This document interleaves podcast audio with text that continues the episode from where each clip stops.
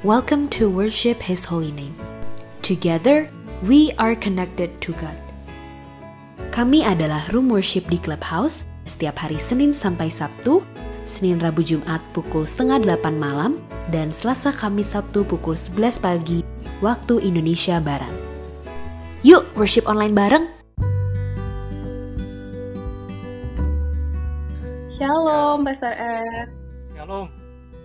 Ini panggilnya Pastor atau Ko ini. Ya, jadi host ya. Agak, agak grogi nih Koet. Iya, sama saya juga grogi nih. Apalagi dihadapkan dengan Koet nih makin grogi nih. Kalian udah siap Alkitab belum? Ayo. Panggilnya Koet aja kali ya Yohana biar lebih Boleh akrab gitu ya. Koet Oke. ya. Lebih Iya. simpel ya. Oke. Oke deh. Daripada lama-lama dengar kita ngomong, mending langsung ke Koet aja nih ya Yohana ya. Iya, bener banget nih, Pristo. Oke, silakan, Kak Edi. Oke. Ya, terima kasih nih buat Cirini ya dan WHHN and the gang yang memberikan kesempatan ya. Ini kesempatan yang sangat saya hargai tentunya. Karena memang betul tadi dikatakan saya sering nimbrung ya ke beberapa grup room-room doa dan worship ya. Tapi saya tidak khusus ya artinya menyampaikan pesan gitu ya. Ada saya biasanya mendengar kemudian kalau diminta ya saya kasih tanggapan. Dan kali ini terima kasih kesempatannya. Ini pertama by the way Rini dan WHN saya dikasih kesempatan lebih banyak ya untuk bicara. Dan kehormatan juga karena ini pas tanggal 16 Agustus ya. Dan memang kalau kita perhatikan banyak yang menyampaikan topik tentang freedom ya. Kalau kita perhatikan judul khotbah atau ada acara-acara banyak sekali ya tentang kemerdekaan gitu ya.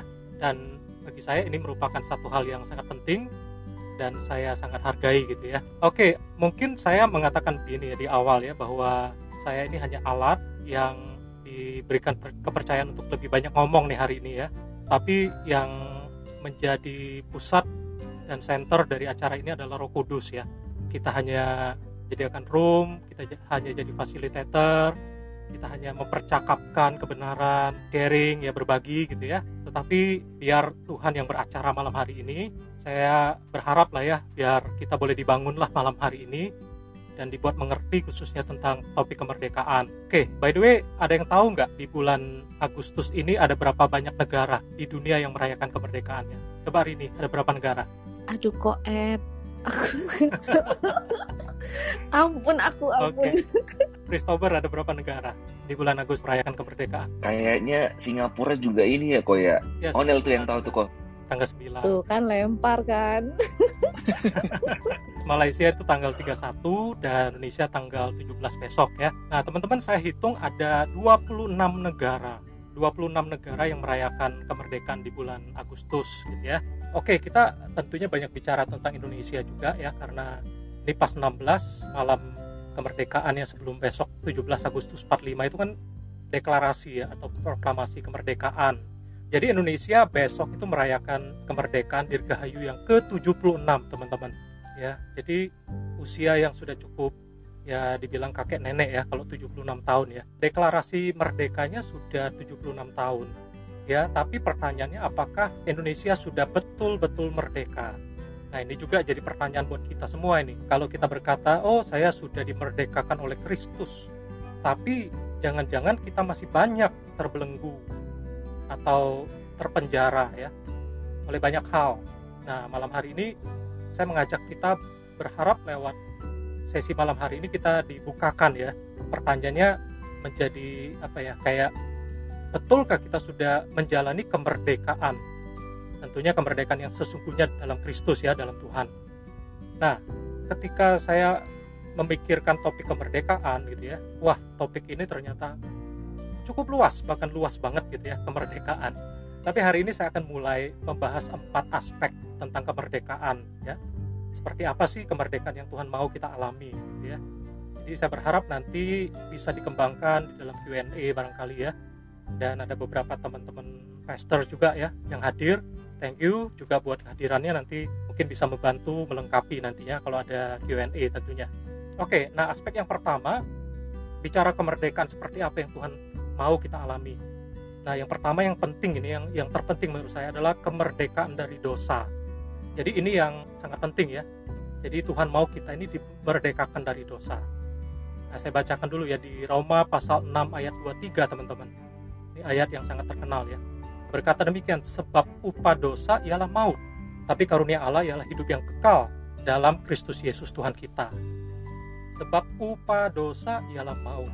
Jadi ini adalah akibat atau vonis dari dosa pelanggaran kita pada Tuhan ya kita tidak takut akan Tuhan kita menjauh dari Tuhan kita memberontak kepada Tuhan upah dosa adalah maut gitu ya.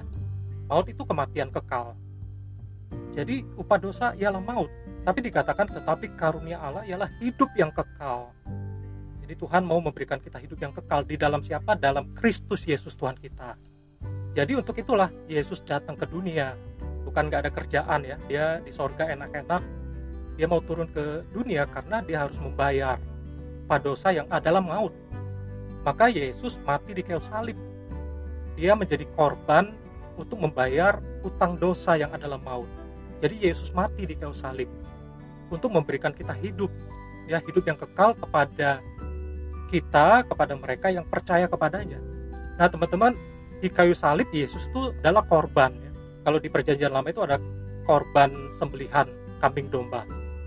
Nah sebetulnya itu gambaran tentang pengorbanan Kristus. Apa yang terjadi di perjanjian lama sebenarnya untuk mempersiapkan tentang pengorbanan yang Yesus lakukan di kayu salib. Nah jadi terjadi exchange teman-teman, terjadi pertukaran sebetulnya. Kita yang berdosa harusnya yang mati, tapi Yesus yang menanggung dosa dan dia yang mati di kayu salib. Nah, sehingga Yesus yang benar itu kebenaran Kristus diberikan kepada kita orang percaya. Nah, itu gambaran sebenarnya ketika ada korban sembelihan kambing domba, makanya kambing domba yang disembelih itu yang dikorbankan itu yang sempurna yang tidak ada cacat celah. Jadi untuk menebus manusia yang berdosa. Jadi waktu dia akan sembelih itu di, seperti ditumpang tangan ya jadi yang berdosa itu taruh di kepala kambing domba itu ya. Nah, nanti disembelih tuh kambing domba. Artinya dosa pelanggaran yang dibuat oleh manusia yang berdosa ditimpakan kepada kambing domba sehingga dia mati. Sehingga kambing domba yang tidak bercacat celah itu kebenarannya diberikan kepada orang yang berdosa itu. Itulah Kristus. Jadi betapa berharganya kita orang yang percaya kepada Yesus Yesus yang tidak ada salah dia terkutuk dia mati di kayu salib menebus hutang yang harusnya kita yang harusnya bayar harusnya kita yang mati tapi Yesus yang menggantikan kita sehingga kebenarannya diberikan kepada kita. Makanya teman-teman kita ini dibenarkan bukan karena perbuatan baik tapi karena ada Kristus yang sudah diberikan kepada kita kita dibenarkan diberikan status yang baru identitas yang baru karena ada Kristus di dalam diri kita yang membenarkan kita. Bahkan kita diberikan status dan identitas yang baru sebagai anak-anaknya. Oke saya minta ciri ini boleh bacakan nggak di Yohanes 1 ayat 12 ciri ini? Boleh Yohanes 1 ayat 12 oke. Tetapi semua orang yang menerimanya diberinya kuasa supaya menjadi anak-anak Allah yaitu mereka yang percaya dalam namanya. Wow. Jadi ini kita yang menerima Kristus diberinya kuasa, diberikan right hak menjadi anak-anaknya, yaitu kita yang percaya dalam namanya. Jadi teman-teman, saya mengucap syukur sih ya karena kekristenan itu karena kekristenan bukanlah kita yang mencari Tuhan, tapi Tuhan sendiri, Yesus sendiri yang datang mencari kita. Jadi hari ini kalau kita bisa kenal Kristus ya, kita menerima anugerah keselamatan bukan karena kita yang cari dia, tapi dia yang cari kita. Bukan kita yang memilih dia, tapi dia yang memilih kita ya kita bersyukur Tuhan cari kita gitu ya dan kalau saya pribadi bersyukur mengenal Kristus tuh karena waktu kecil ya dibawa mama jadi mama yang membawa saya dan kami berenam enam bersaudara jadi kami dibawa oleh mama ke gereja. Diperkenalkan kepada Kristus melalui sekolah minggu di gereja. Tapi waktu itu papa belum bertobat. Jadi kami mengenal Kristus karena mama yang memperkenalkan kami ya kepada Kristus diajak sekolah minggu di gereja. Nah, teman-teman, kita yang ada di room ini mungkin beda-beda ceritanya. Bagaimana kita bisa mendengar tentang Yesus gitu ya. Mungkin ada yang mendengar tentang Yesus karena disekolahkan di sekolah Kristen atau Katolik. Mungkin engkau dari background yang non Christian tapi nggak tahu caranya. Ya Tuhan punya punya cara. Ketika kita di sekolah itulah kita mulai mendengar cerita tentang Yesus gitu ya. Mungkin ada yang lain yang diajak temennya ke gereja gitu ya. Pelan-pelan mulai dengar Injil kemudian mulai membuka hatinya untuk terima Yesus. Mungkin ada yang diajak KKR ya. Kebaktian kebangunan rohani mungkin ada teman-teman yang diajak ke komsel dulu ya. Dan jangan-jangan ada juga yang awalnya mendengar tentang Yesus melalui clubhouse ini. Mungkin ya karena saya mendengar beberapa kesaksian ada yang di masa-masa pandemik seperti ini bersyukur ketika nggak bisa ke gereja tapi ada seperti podcast ya ada siaran rohani doa pembacaan firman sharing di clubhouse tiap hari ada. Jadi tiap hari dengar firman Roh Kudus mulai bekerja dalam hatinya. Dan dia di dalam hatinya mulai oh iya ya tidak ada Tuhan lain seperti Yesus yang telah mati buat saya yang begitu mengasihi saya gitu ya. Dia mulai respon dia mulai percaya kepada Yesus dalam hatinya. Dia mulai sadar ah aku ini orang berdosa. Dia mulai mengaku dosa dan dia mau bertobat dan mau mengikuti Yesus gitu ya. Jadi teman-teman berbagai cara tapi sekali lagi keselamatan yang kita terima semata-mata itu karena anugerah Tuhan dan pekerjaan Roh Kudus dalam diri kita ya. Jadi nomor satu teman-teman kemerdekaan dari dosa ini part yang penting ya. Nah yang kedua ini aspek yang kedua teman-teman yaitu kemerdekaan dari intimidasi dan tipu muslihat iblis. Nah saya masukkan poin ini teman-teman karena banyak orang yang sudah lahir baru sudah percaya Yesus tapi masih terintimidasi oleh tipu muslihat iblis, termanipulasi, tertipu, dibohongi, selalu hidupnya dalam intimidasi tuduhan-tuduhan dari iblis gitu ya. Nah teman-teman kembali ke cerita kemerdekaan gitu ya. Nah di bulan Agustus teman-teman di tahun 1945 ya Agustus 45 itu ada perang dunia kedua itu ada pasukan tempur Amerika membom dua kota di Jepang bom atom. Pasukan Jepang itu mengaku kalah. Dan perang dunia kedua berakhir karena Jepang mengaku kalah. Nah teman-teman Sementara pasukan Jepang menyerah kalah pada tentara sekutu, tapi nih ya, kan di Indonesia itu ada pasukan pendudukan dari Jepang juga waktu itu menjajah Indonesia. Nah, padahal Jepang itu negara Jepang sudah mengaku kalah. Tapi yang di tentara-tentara pendudukan pasukan pendudukan Jepang di Indonesia masih bersikap seenaknya terhadap rakyat Indonesia saat itu. Karena kenapa? Karena belum ada satupun penduduk Indonesia yang mengetahui bahwa pasukan Jepang telah menyerah saat itu. Kemudian beberapa hari baru ya para pemimpin kita tahu kebenaran bahwa pasukan Jepang telah menyerah dengan tentara sekutu. Jadi mereka segera mempersiapkan saat itu pemimpin Indonesia ya mempersiapkan dan segera mendeklarasikan kemerdekaan Indonesia tepatnya 17 Agustus 45 ya oleh Soekarno Hatta. Teman-teman pelajarannya apa? Itu penjajah Jepang saat itu maunya kita dibodoh-bodohi terus. Walaupun sebenarnya pasukan Jepang saat itu sudah kalah dengan dibomnya Hiroshima dan Nagasaki. Tapi penjajah yang ada di Indonesia terus berusaha membodoh-bodohin rakyat Indonesia. Terus mengintimidasi. Terutama bagi siapa? Bagi yang tidak mengetahui kebenaran. Ya. Jadi teman-teman kalau kita gagal mengerti kebenaran ya kita kalau orang nggak ngerti kebenaran akan gampang dibodoh-bodohin ditipu ya. Dia menerima nasib tertipu oleh oleh iblis gitu ya. Teman-teman apa itu intimidasi? Intimidasi itu artinya to frighten into submission. Intimidasi itu artinya menakut-nakuti agar takluk dan kalah. Nah teman-teman setan itu sudah dikalahkan sebetulnya oleh pengorbanan Kristus di kayu salib ya. Dan bahkan melalui kebangkitan Kristus tapi iblis itu masih terus berusaha mengintimidasi. Dia coba memanipulasi kita terus berusaha menipu dan membodohi. Kayak itu ya teman-teman ya. Iblis sudah kalah tapi nggak terima kalah gitu ya. Mungkin teman-teman pernah ya mengalami itu ya. Dalam pertandingan ya klub sepak bola itu udah kalah gitu ya. Tapi nggak terima kalah. Nanti di parkiran dia ganggu juga udah naik bus dilempar-lemparin kayak gitu. Udah kalah tapi nggak terima kalah jadi kita harus menyadari ini Alkitab yang mengatakan bahwa iblis itu masih berjalan keliling sama seperti singa yang mengaum-ngaum dan mencari orang yang dapat ditelannya. Nah, teman-teman kata ditelannya itu kan karena diintimidasi, dibodoh-bodohin, dimanipulasi, Jadi termakanlah oleh tipu muslihat iblis nanti dia akan tuduh kita. Karena iblis juga disebut accuser ya, dia pendakwa. Dia adalah penuduh yaitu di Wahyu 12 ayat 10. Jadi dia dengan tipu muslihat dia mendakwa, dia menuduh, mengintimidasi. Tujuannya apa? Supaya kita jauh dari Tuhan. Dan bukan cuma jauh dari Tuhan, kita memfitnah karakternya Tuhan.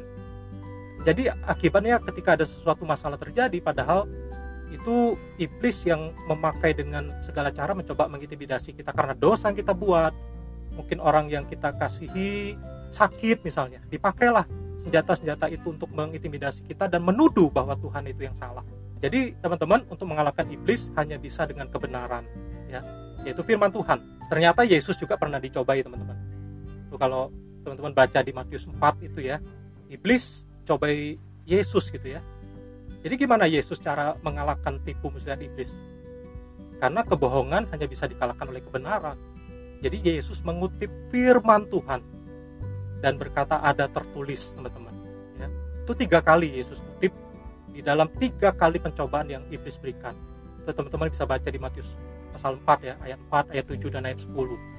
Nah, itu yang kedua teman-teman, aspek yang kedua adalah kemerdekaan dari intimidasi dan tipu muslihat iblis karena masih banyak kita yang tidak bisa merdeka seperti masih di dalam penjara ya. Dan orang yang di dalam penjara tidak bisa bebas, tidak bisa berkarya. Jadi salah satunya adalah iblis mencoba menuduh mengintimidasi kita. Ya, kita akan belajar hari ini bagaimana supaya kita menang ya yaitu tentunya untuk menghadapi intimidasi iblis yaitu dengan kebenaran ya kebenaran apa kata Tuhan tentang kita rencana dia indah bagi kita tentang kasih dan pengampunan yang kekal ya dia mati buat kita kasih dan pengampunannya itu untuk baik dosa kita yang dulu sekarang dan selama lamanya asal kita datang mengaku dosa 1 Yohanes 1 ayat 9 ya teman-teman. Dan dia pasti menerima kita apa adanya kita ya dan rindu untuk hidup kita boleh dipulihkan kembali kepada rencananya karena dia mau memakai kita merdeka dan efektif dipakai untuk kemuliaan bagi nama Tuhan. Oke, aspek yang ketiga teman-teman. Aspek yang ketiga adalah kemerdekaan dari hidup yang sia-sia. Ya, jadi Tuhan mau nih yang namanya kemerdekaan itu kemerdekaan dari hidup yang sia-sia dan kita sekarang memiliki tujuan hidup yang baru. Ya. Nah, ini penting teman-teman. Jadi kalau bicara kemerdekaan kan artinya sebelumnya mengalami penjajahan ya dijajah di penjara. Jadi orang yang di dalam hidup dalam penjajahan itu seperti mereka yang ada di dalam penjara. Kerinduan orang yang ada di dalam penjara tentunya bebas ya keluar dari penjara. Nah tapi teman-teman jangan stop. Kalau tujuannya hanya oh saya sekarang di penjara tujuan saya sekedar keluar dari penjara nggak cukup teman-teman tetapi what's next? Itu yang lebih penting. Setelah keluar dari penjara setelah memproklamasikan kemerdekaan what's next? Karena kalau tujuan hidup hanya kalau narapidana itu ya teman-teman ya tujuannya hanya keluar dari penjara dan kemudian dia tujuannya gimana supaya saya tidak masuk penjara lagi ya? Jadi dia akan muter-muter dia keluar penjara dan gimana supaya saya tidak masuk penjara tapi dia nggak mengubah gaya hidupnya dia akan muter-muter dia akan kembali ke cara hidup yang lama dia akan kembali mencuri dia akan melakukan kejahatan. Cuma sekarang dia berpikir supaya gimana supaya tidak masuk penjara ya. Jadi dia lebih canggih nih sekarang. Dia lebih pintar lebih canggih. Dan gimana bisa menghindar untuk tertangkap teman-teman. Namun kita tahu kejahatan pasti ada akibatnya lah. Kalau dia tertangkap dia akan dimasukkan ke dalam penjara lagi. Jadi hidupnya ada yang seperti itu teman-teman. Kalau kita tidak benar-benar mengerti bahwa kemerdekaan yang Tuhan mau kita alami adalah kemerdekaan dari cara hidup yang sia-sia dan punya visi yang baru, punya tujuan hidup yang baru. Makanya saya tulis begini teman-teman, freedom means free from something and free to do something new. Freedom means free from something and free to do something new. Jadi kemerdekaan itu artinya bebas dari sesuatu. Dari apa teman-teman? Dari penjajahan, dari cara hidup yang sia-sia, dari kebiasaan buruk, dari dosa, dari intimidasi. Tapi free sekarang freedom to do something new. Jadi harus punya apa teman-teman? Harus punya visi yang baru. Ya. Visi yang mulia, visi yang benar, visi yang membangun ya. Visi yang menjadi berkat gitu teman-teman. Kembali ke kalau kita ingat Indonesia sama juga Indonesia 17 Agustus 45 sudah mendeklarasikan atau memproklamasikan kemerdekaan. Tapi ingat, proklamasi itu baru startnya, bukanlah tujuan akhir, tapi merupakan awal hidup atau awal hidup bernegara Indonesia ini ya. Worship His Holy Name. Kami adalah room worship di Clubhouse setiap hari Senin sampai Sabtu, Senin Rabu Jumat pukul setengah 8 malam, dan Selasa Kamis Sabtu pukul 11 pagi waktu Indonesia Barat. Jangan lupa untuk follow Rumah Hijau Club Worship His Holy Name supaya kalian gak ketinggalan setiap kali kita open room worship. Follow juga Instagram kita di at worshiphisholyname.id. Teman-teman juga feel free untuk DM IG kita yang butuh tempat untuk cerita atau ada titipan doa untuk bisa kita doakan sama-sama di Worship His Holy Name. Worship His Holy Name. Together, we are connected to God.